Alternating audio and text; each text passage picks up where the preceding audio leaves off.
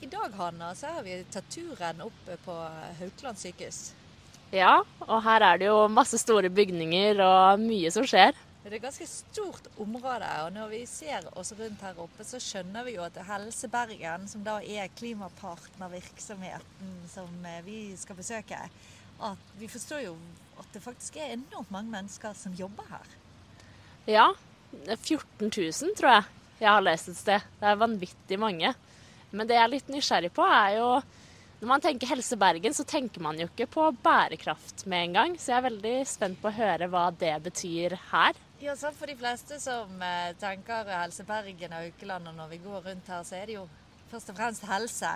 Men de har faktisk et imponerende bærekraftsarbeid. Og når det gjelder klimaarbeidet til Helse Bergen, så har jo vi blitt eh, imponert over det flere ganger når vi har hørt om det i klimapartnersammenheng. At de er dedikerte og engasjerte. Og det er jo derfor vi er her i dag, Hanna. Ja, så vi gleder oss veldig nå til å komme inn bak veggene til disse store byggene og se hva som skjer og hvordan de jobber for å redusere sine utslipp. Ja, og i dag skal vi altså spille inn podkast med Eivind Hansen i podkaststudiet hos Helse Bergen. Og det tror jeg er rett her borte, Hanna. Ja, da tror jeg vi går inn og setter i gang. Jeg er Renate Nedregård, leder i Klimapartnere i Vestland og programleder for denne podkasten. Og jeg er Hanna Emilie Rørseth Johansson, og jeg er produsent. Og du hører på Operasjon nullutslipp.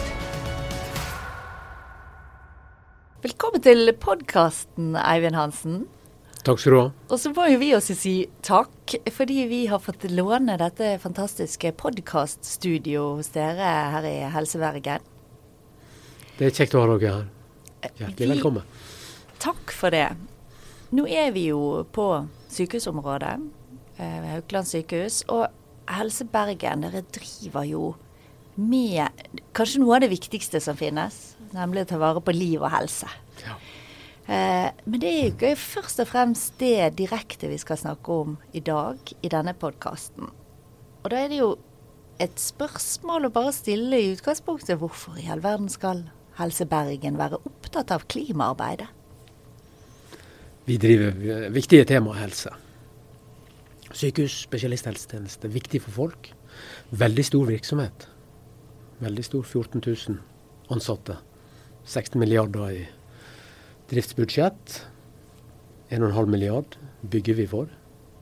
Så, så, vi påvirker jo vårt lokalsamfunn utover at vi skal levere gode helsetjenester. Men det er jo det primære. Det er helt, helt klart. Men, men, hvordan påvirker vi klima og miljø? Det må vi ha et bevisst forhold til, som en av de store utfordringene for vårt samfunn. Og så er det en sammenheng mellom helse, klima og miljø. Det kommer vi sikkert tilbake til. Ja, og dette er jo dere gode på. Og dere har også eh, vedtatt strategier rundt det. Og dette skal vi snakke litt mer om. fordi at eh, når jeg har hørt deg fortelle om dette tidligere, så blir vi veldig inspirert. Og det liker vi i Klimapartnere. Men du snakket jo litt om dette enorme budsjettet, og så er det jo forferdelig mange ansatte. Og enhver som har vært på eh, innom Haukeland sykehus, ser jo det eh, at det er nesten som en liten by i byen. Ja. Hvor mange ansatte har dere? 14 000. 14 000 omtrent akkurat nå. Um, 14 000 kompetente, gode, engasjerte medarbeidere.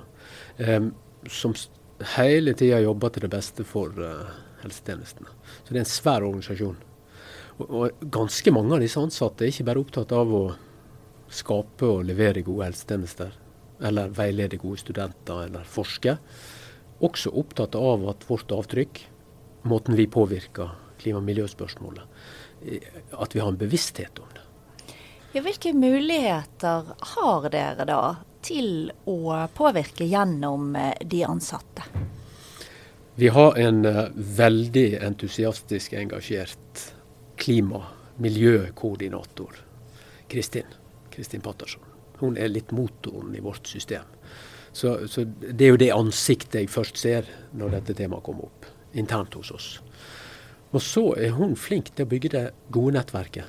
Så vi har jo over 100 klimakontakt miljøkoordinatorer ute i virksomheten som ikke er ansatt primært for det formålet, men som tar en sånn rolle i tillegg til den jobben de har. Så dette nettverket er jo sant, 14 000, så er det jo veldig mange flere som er opptatt av temaet, og som etterspør. Og Det er jo en refleksjon for oss som ledere og arbeidsgiver. Det er jo våre nye unge, kanskje aller mest de, er jo opptatt av å jobbe i en virksomhet som er opptatt av temaet. Så dette blir jo tydelig det vi skal snakke om i dag, men det er altså eh, fullt mulig å være engasjert i det faglige rundt eh, liv og helse og det som foregår på sykehuset, og samtidig være opptatt av hvordan man påvirker samfunnet rundt seg. Definitivt. Og, og vi ønsker jo oss, jeg ønsker meg jo at dette engasjementet som går utover det rent faglige og driver gode helsetjenester, også kommer til syne på arbeidsplassen. Fordi vi, vi er en stor aktør.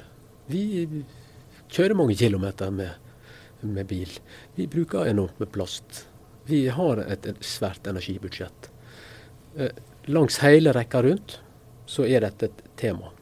Men samtidig må vi sikre at primæroppgaver blir løst. Så det å sikre balansen er jo en del av den samtalen vi må ha internt. Og her har dere satt dere ambisiøse mål.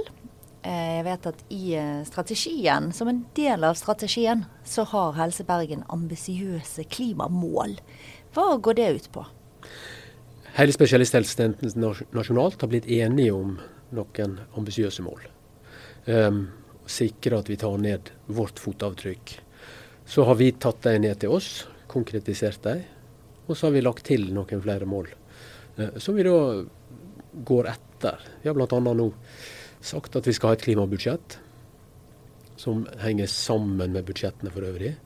Der vi skal se ja, hvordan planlegger vi det kommende året, hvordan bruker vi ressurser, som igjen gir oss anledning til, eller forbedrer oss på, klimasida.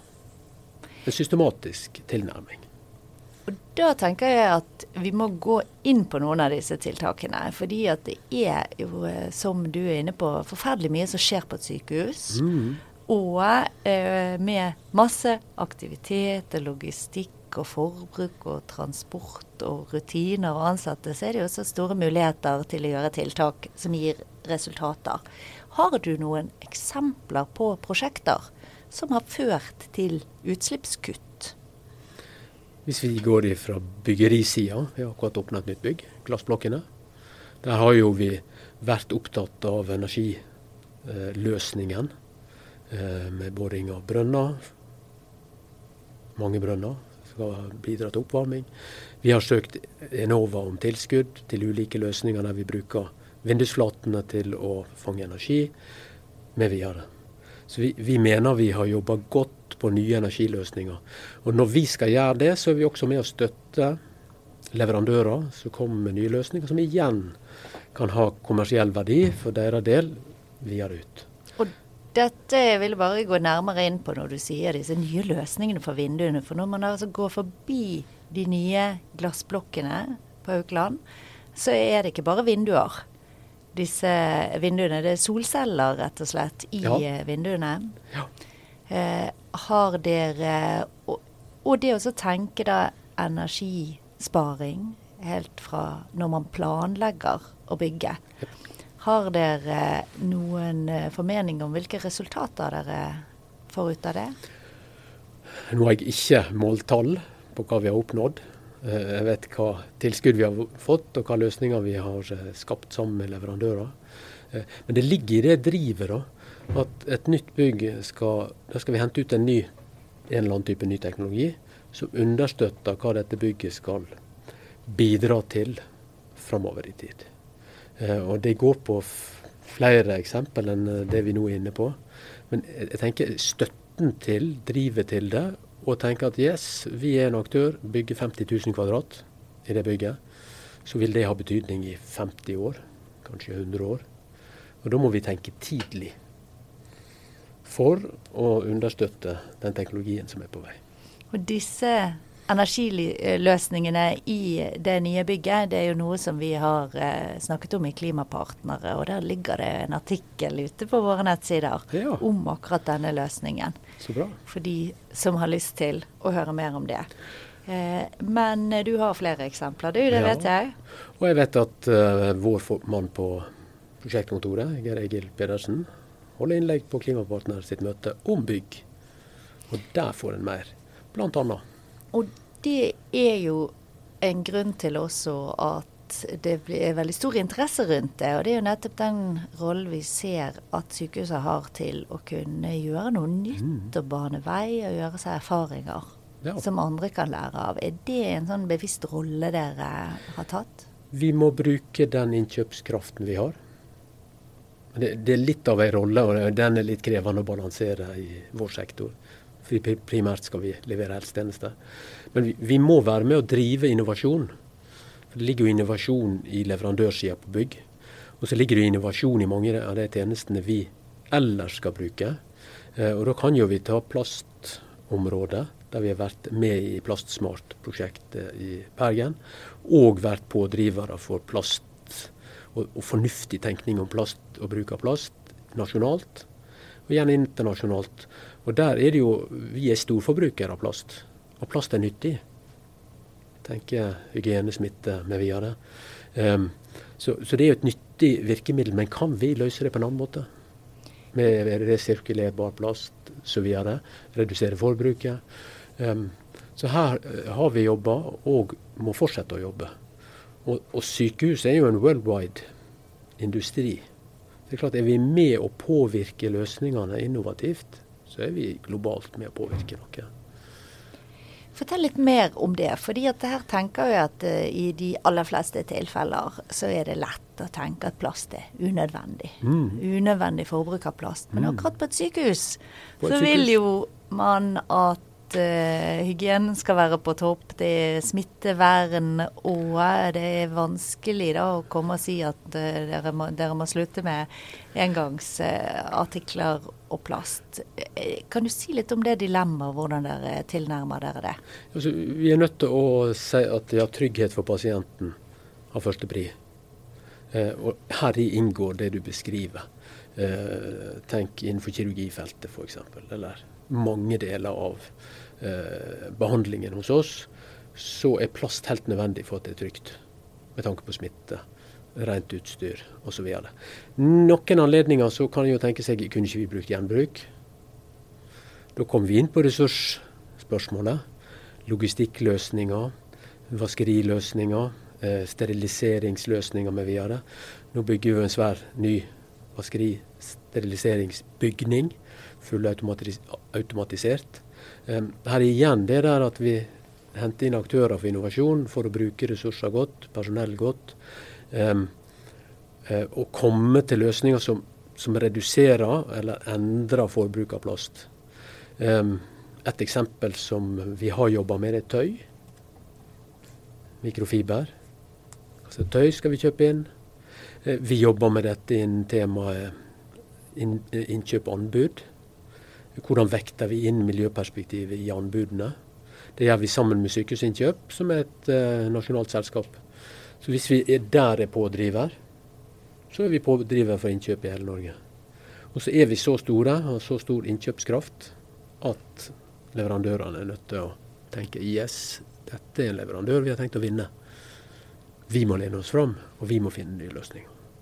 Så her kan man rett og slett være med på å fremme innovasjon og nye løsninger fordi at man er en så stor aktør da. Stor aktør. Um, og store aktører skal også drive ned prisen. For det er klart at pris, kost, hvordan bruker vi ressursene våre, er en vekt i det her. Um, og er vi da store nok, så kan vi dra ned også prisen på innovasjonen, tenker jeg.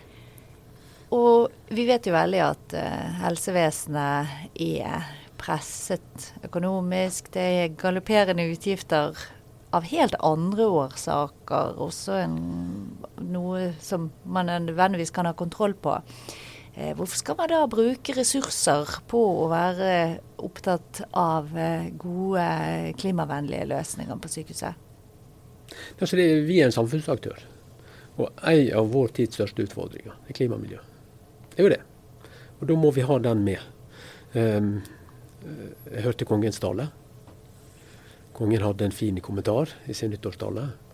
Han refererte til ungdommens utålmodighet. Med tanke på klima- og miljøspørsmål. Og så i den, det sitatet der jeg har ungdom forventninger til de voksne, så tar kongen denne fine snutten, da. At det ikke bare er ungdommen som er, er utålmodig. En kongen er enig med ungdommen. og et interessant fra en som er godt opp i 80-åra. Um, vi kan godt la den stemma klinge inn, da. At noen som har levd lenge, har veldig omsorg for de som kommer. Og så peker en på folk i, i min posisjon, vår posisjon, som ledere. Jo, vi har et stort ansvar her, felles. Jeg har det som sykehussjef, andre har det som sjef for et, uh, en helt annen type virksomhet. Og vi må være med og ta delansvar i det. Og så må vi ta det helt ned til det konkrete. Hva er det vi kan nå påvirke nede i detaljen hos oss? Og så må vi ta det ned til engasjement hos egne medarbeidere. Ta på sykkel, sykkelparkeringsløsningene vi har jobba med over mange år. Det skal være OK å ta med sykkelen. Sitte på sykkelen. Kunne låse den inn trygt. Kunne finne den igjen når du er ferdig med jobben. At den har tak over seg, slik at han er tørr. At du har en garderobe å gå til. Når du har valgt å sykle i Bergen, som er Bergen, enkelte dager ikke sånn, at vi jobber med den typen som gjør at vi òg avlaster parkerings. Og så er det noen som har parkeringsbehov. Helt ned i det praktiske må vi holde på. Selv om noen vil si at ja, men dette redder jo ikke verden. Jo, dette er med å redde verden. Vår bit i det. Og møte det engasjementet som kommer innenfra fra medarbeiderne. Så det er mange ting vi kan holde på også høre på stemmen ifra våre brukere. Traff en pasient her en dag, tok i meg og så sier han du, jeg var på sykehuset, jeg fikk noen veldige middagsporsjoner.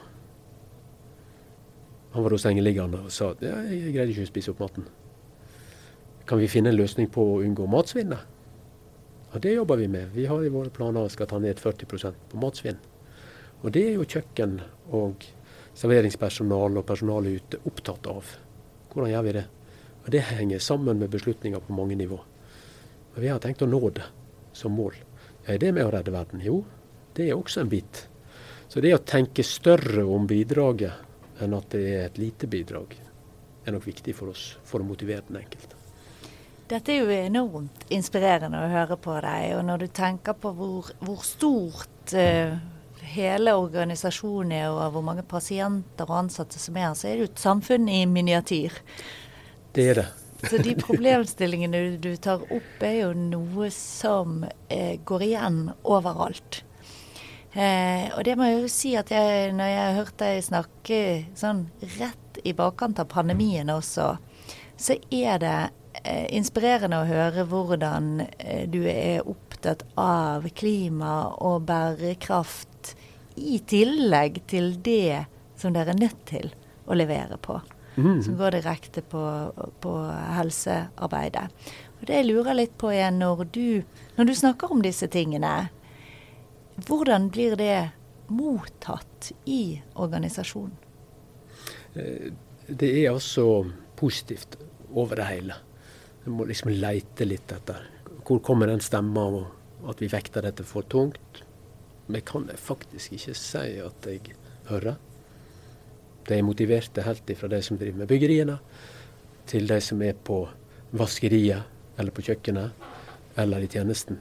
Og, og innimellom så er det jo artig nok sånn at uh, vi kan slå opp i avisa, så ser vi kjente ansikt. Og det er ikke i avisa fordi de jobber her, eller en rolle de har her. De kanskje uh, har en rolle i sykkel innenfor sykling og sånn. Ja, har påtatt seg å ha en rolle der. Eller er med i en eller annen klimaaksjon, og så ser jeg Oi sann, det kjenner jeg. Du er jo engasjert for klima utenfor jobben. Det må jo bety at du også er engasjert for klima og miljø på jobben. Og det oppmuntrer dere? Ja, ja, klart. Mm. Så jeg tror vi er flere enn vi kanskje tenker, som er positive. Jeg ser litt bort på Hanne her, eh, som er produsent for eh, podkasten. For vi diskuterte dette litt eh, når vi var på vei inn her. Dette med alle de ansatte. Så jeg vet at du har et eh, spørsmål eh, nettopp om det, om å få med de ansatte. Ja, det, dere har jo vært litt inne på det allerede. At eh, de ansatte er engasjerte. Jeg synes det er veldig interessant å høre òg, at de som er ute og jobber for å redde liv og hjelpe de som er, er syke hver dag, også har overskudd til å drive et sånt engasjement. Men det jeg lurer litt på, er sånn hvilke kanaler og hvilke muligheter har de for å engasjere seg? De som har eh, De som bryr seg om bærekraft, da. Eh, Jeg pekte innledningsvis på dette nettverket. Ja, Der noen har meldt seg og blitt kontakter. Så det betyr at vi har et hvitt kontaktnett. Så har vi Kristin som motor i det her. Og så er det jo slik at, eh, at det systematiske arbeidet må være forankra i ledelse på, på, på, et vis. Så styret har dette innom sitt bord. Vi har det inn i foretaksledelsen. Og ut i lederlinja. Vi snakker med tillitsvalgte om temaet, vernetjenesten om, om temaet. Um, og det er klart at når vi driver prosjekter, endringer, vi snakker litt om innovasjon og byggerier, så skal jo alle disse være involverte og eie noe av resultatet. Så når jeg skryter litt av glassblokkene, så skal jo det være noe alle kan være med å skryte av. Vi driver sykehus i et hus som er relativt sunt, relativt, for klima- og miljøperspektivet. Um, og så igjen må vi høre på stemmene som kommer opp. Kommer det en god idé? Kanskje er det Kari eller Ola eller Britt eller Bente eller hvem som har ideen som vi bør høre på. Så, så lyttende det er litt som også kongen var inne på i nyttårstalen. Vi må være en lyttende ledelse, for det kan ligge en juvel hos en medarbeider som har en idé som vi burde hørt og tatt inn over oss. Så Det er en del av, av forbedringstanken, tenker jeg. Det er klart at i tider der vi, vi, vi litt sånn pressa på ressurser, sånn, det kjenner vi jo på, så må vi også håndtere dette temaet på en måte som ikke skaper en motstand. Det må vi. Det tror jeg vi må, vi må ha den med. Og vi må ha det også med med medarbeidere som er primært opptatt av helsetjenesten. Sant? Det er ikke sånn at nødvendigvis alle 14 000 syns dette er det viktigste. Men hvordan kan vi få alle positivt med? Og det er å skape vie. Ja, for dette er en kunst. Det er en kunst at ikke det kommer noen eh, direktiver fra oven som sier nå skal dere plutselig begynne å være opptatt av eh, matavfall istedenfor å redde liv. Jepp. Hvordan løser dere det? Spørsmålet er om det er, er det istedenfor. Ja, er det det? Nei, det er ikke det. Ikke matavfall. Matavfall er jo sløsing. Ressursbruk som vi kunne brukt til noe annet. Så mange ganger er det jo en sammenheng mellom klima- og miljøtenkning og god ressursbruk. Veldig ofte er det det. Men det krever kanskje litt holdningsendring, litt omstilling, en litt annen måte å tenke på. Um, ja, så må vi hjelpe hverandre i overgangene. Motivere hverandre i overgangene. Um, så det handler nok en del om ledelse, å ta engasjement til de som er litt yngre enn meg. på alvor. Bygge på det engasjementet, den entusiasmen. Jeg tror at yngre, sånn, sånn i snittet, er mer opptatt av temaet. Er med å pushe oss, som kongen refererte til. Og så er det ingen, ingen som liker å sløse. Nei, nei, hvorfor skal vi sløse? Sant? Eh, og, hvorfor skal ikke vi tenke på heilskap? Og vår rolle i et samfunn? For vi ønsker jo at andre skal tenke på våre helsetjenester som en del av en heilskap. Og dette har jeg lyst til å spørre litt mer om. For akkurat denne helheten og sammenhengen, du var så vidt inne på det i starten, sammenhengen mellom klimaarbeid, bærekraft og helse. Og det som dere til syvende og sist har ansvaret for eh, her eh, i Helse Bergen. Eh, hva tenker du om hvordan dette henger sammen? Hvis vi tar det lokale, så skal jeg være forsiktig med å spekulere på at uh, værutfordringene i vinter har sammenheng med klima. Men could be. Ja. ja. Det er i alle fall Påvirker ille våre hvis eh, mm. Påvirker virkelig våre tjenester. Altså Vi går i beredskap. Vi har krevende utfordringer i prehospitale tjenester. Hvordan nå pasienten. Der det er risiko forbundet med. Jeg legger det visse, sant. Ja, for hvis det blir mer ekstremvær, Ja. så havner det til syvende og sist hos dere. Det havner på vårt bord. For vi skal stille opp for pasienten uansett vær og vindforhold. Det er jo vårt utgangspunkt. Det, det er bare å ta i én type sammenheng som er sammenheng med helse. Eh, tenker vi den andre enden tørke, flyktningstrømmer med videre, så er jo et globalt helseperspektiv helt opplagt. Er det nok mat? Er det leveforhold for folk på kloden? I et helseperspektiv? Mm -hmm. Svær utfordring. Og engasjementet for internasjonal helsetenkning i vår organisasjon, den er stor. Definitivt. Så jeg kan på et visst ta det fra det lokale og helt ut i det store globale. Og, og, interessen for å være opptatt av det temaet er stor i vår organisasjon. Så kunne jeg tatt flere eksempler på koblingen mellom helse og eh, klima- og miljøtemaet. Definitivt. Havet. Fisken i havet. Akkumuleringen av plast i havet. God mat fra havet, som kanskje fører til uhelse hvis den ikke blir som man er i dag. Her er et vell av tema som har sammenheng til helse. Mm.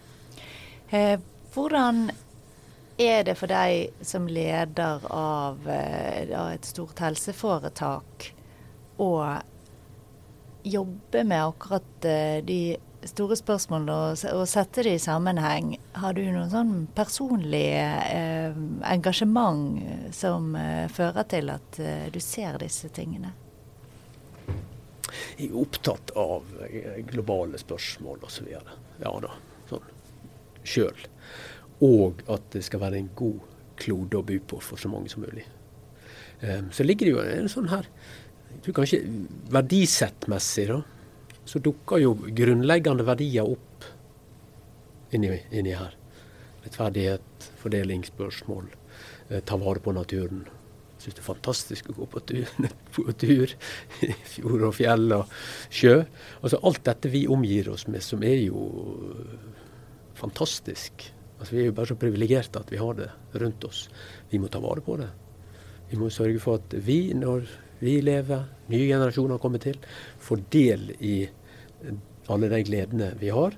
Og så er det selvsagt i det globale perspektivet det er altfor mange som lever i nød og fattigdom med videre, og som har et, et veldig trykk og en trussel ut av den klimautfordringen vi skaper. Eh, så det er mange tema som har med meg å gjøre. Og så er det jo selvsagt jeg må gjøre min bit av jobben. Også privat. Og tenke. For det gjør du? Ja, er du engasjert jeg jo, jeg prøver jo å ha det med, samtidig som jeg jo har en ganske bra pakke på jobb å følge opp. Eh, så jeg er ikke for tida eh, aktiv medlem i klimabevegelse eller lignende, men er vel medlem en plass, tenker jeg. Men så jeg leser noe litteratur på temaet. Ja, ja. Nei, du holder deg oppdatert, ja. Men har du noen sånne egne eh, personlige kjepphester som du er opptatt av eh, på eh, hjemmebane eller på privaten for å bidra? Ja, altså nå har jeg kjørt bil til jobb, da. Det var en feil dag. Jeg skulle jo sykle. Ambisjonen er å sykle. Sykle i snøen, ja. Sykle i snøen. Jeg skal med på sykkelen til, til våren. Et lite bidrag. Ja. En ivrig syklist helt inntil pandemien kom. Det gjorde noe med sykkelrytmen min. Jobbrytmen. Og jobbe meg tilbake. Men gjøre alle de bitene i sant, eh, på søppelsortering og alt det der, med von om at det har effekt. Ja, alt det skal vi holde på med. Og så tenke også i uh, bruk av bil, sant, elbil, så, videre.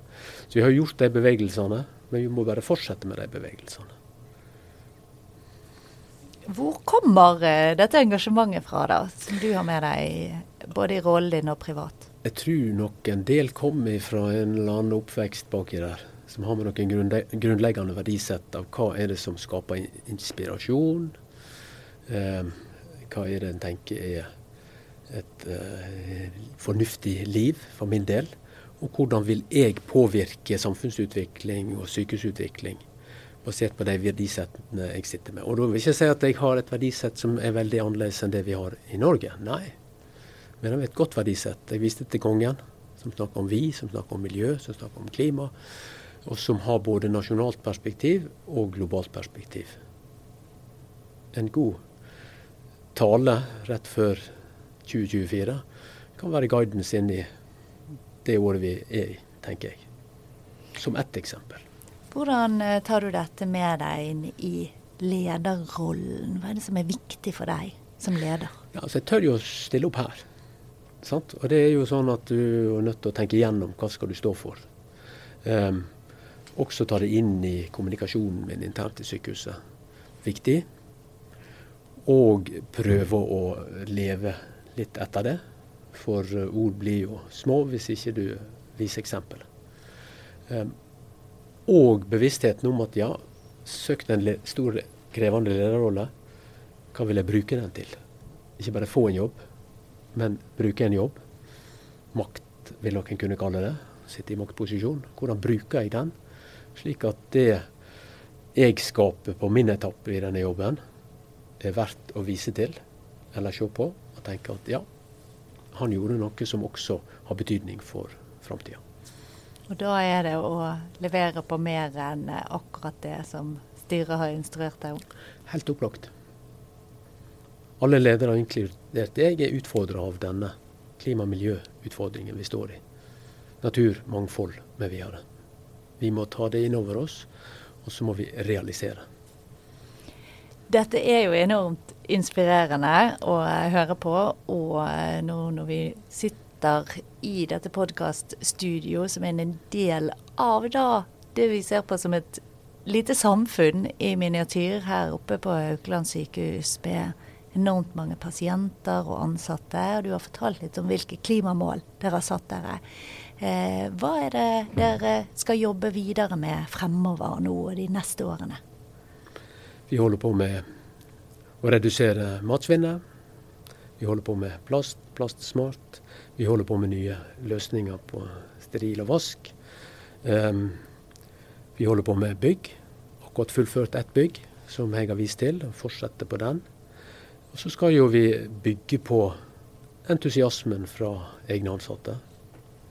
I alle de elementene som ligger eh, rundt i organisasjonen. Eh, jeg har vist til sykkelparkering og alt hva det måtte være.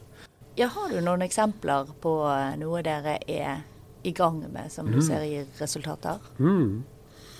Så vi tenker modernisering av drift. Så bringer vi inn nye digitale løsninger. Som typen brukerstyrt poliklinikk.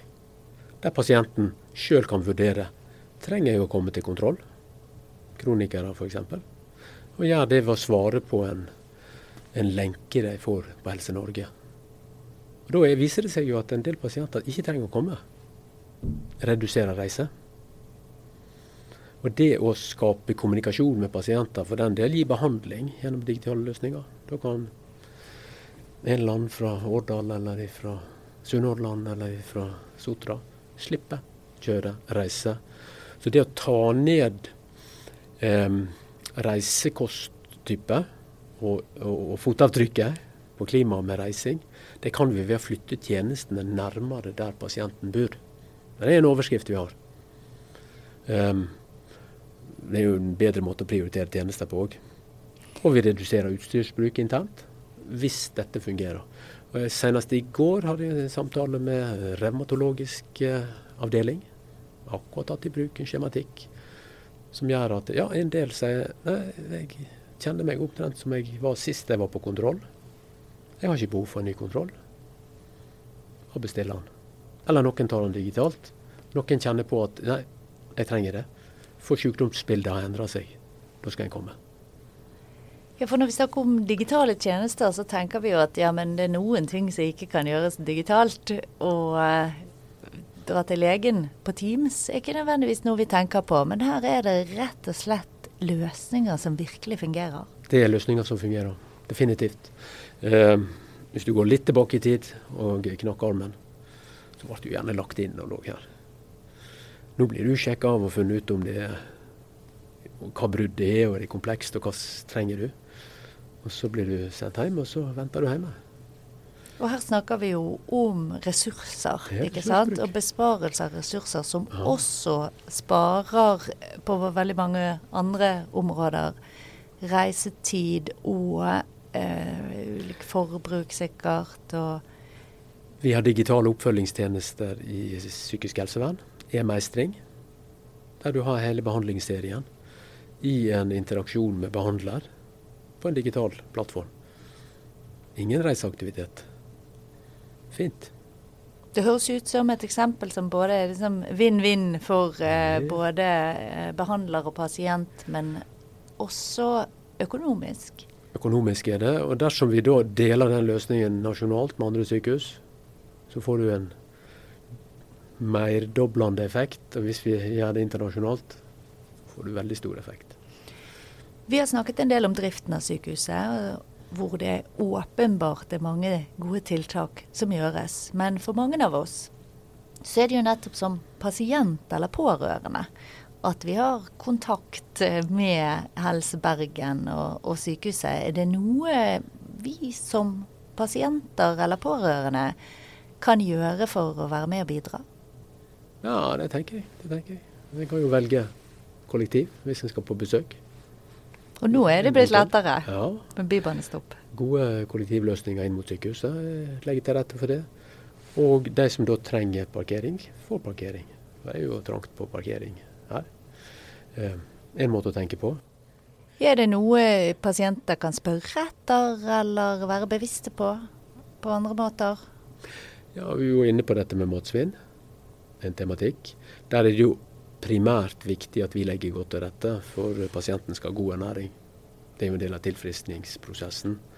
Eh, men eh, à la den kommentaren jeg fikk fra pasient, ja, OK. Det var en som tok ansvar. Ja, tok ansvar. Sa noe tilbake. Det var en eh, tidligere pasient. Og, og for øvrig alt som kan være tilbakemelding der en ser at ja, her er det en eller annen form for sløsing, eller du anvender ikke en løsning som andre har brukt, eller en idé. Yes. Legg den igjen hos oss, kan vi se. Ja, så er det jo dette med å møte. Faktisk møte til time. Eh, Vi må erkjenne at noen kan være syk, plutselig syk, og derfor kan ikke du komme. Men hvis du faktisk kan møte til timen, så reduserer det replanleggingsaktiviteten vår. Og også antageligvis en del ressursbruk ved at vi planlegger for, og så dukker ikke en opp. Og utnytte kapasiteten. Utnytte kapasiteten. Eh, Både replanlegging og antageligvis litt forbruk av forbruksmateriell som er eh, lagt til rette, ikke kan brukes.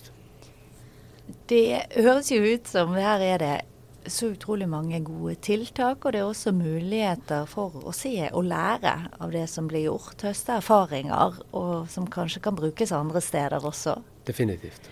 Og du har sagt eh, litt om hva som driver deg som leder, men eh, eh, som en avslutning her, har du en utfordring til de som hører på?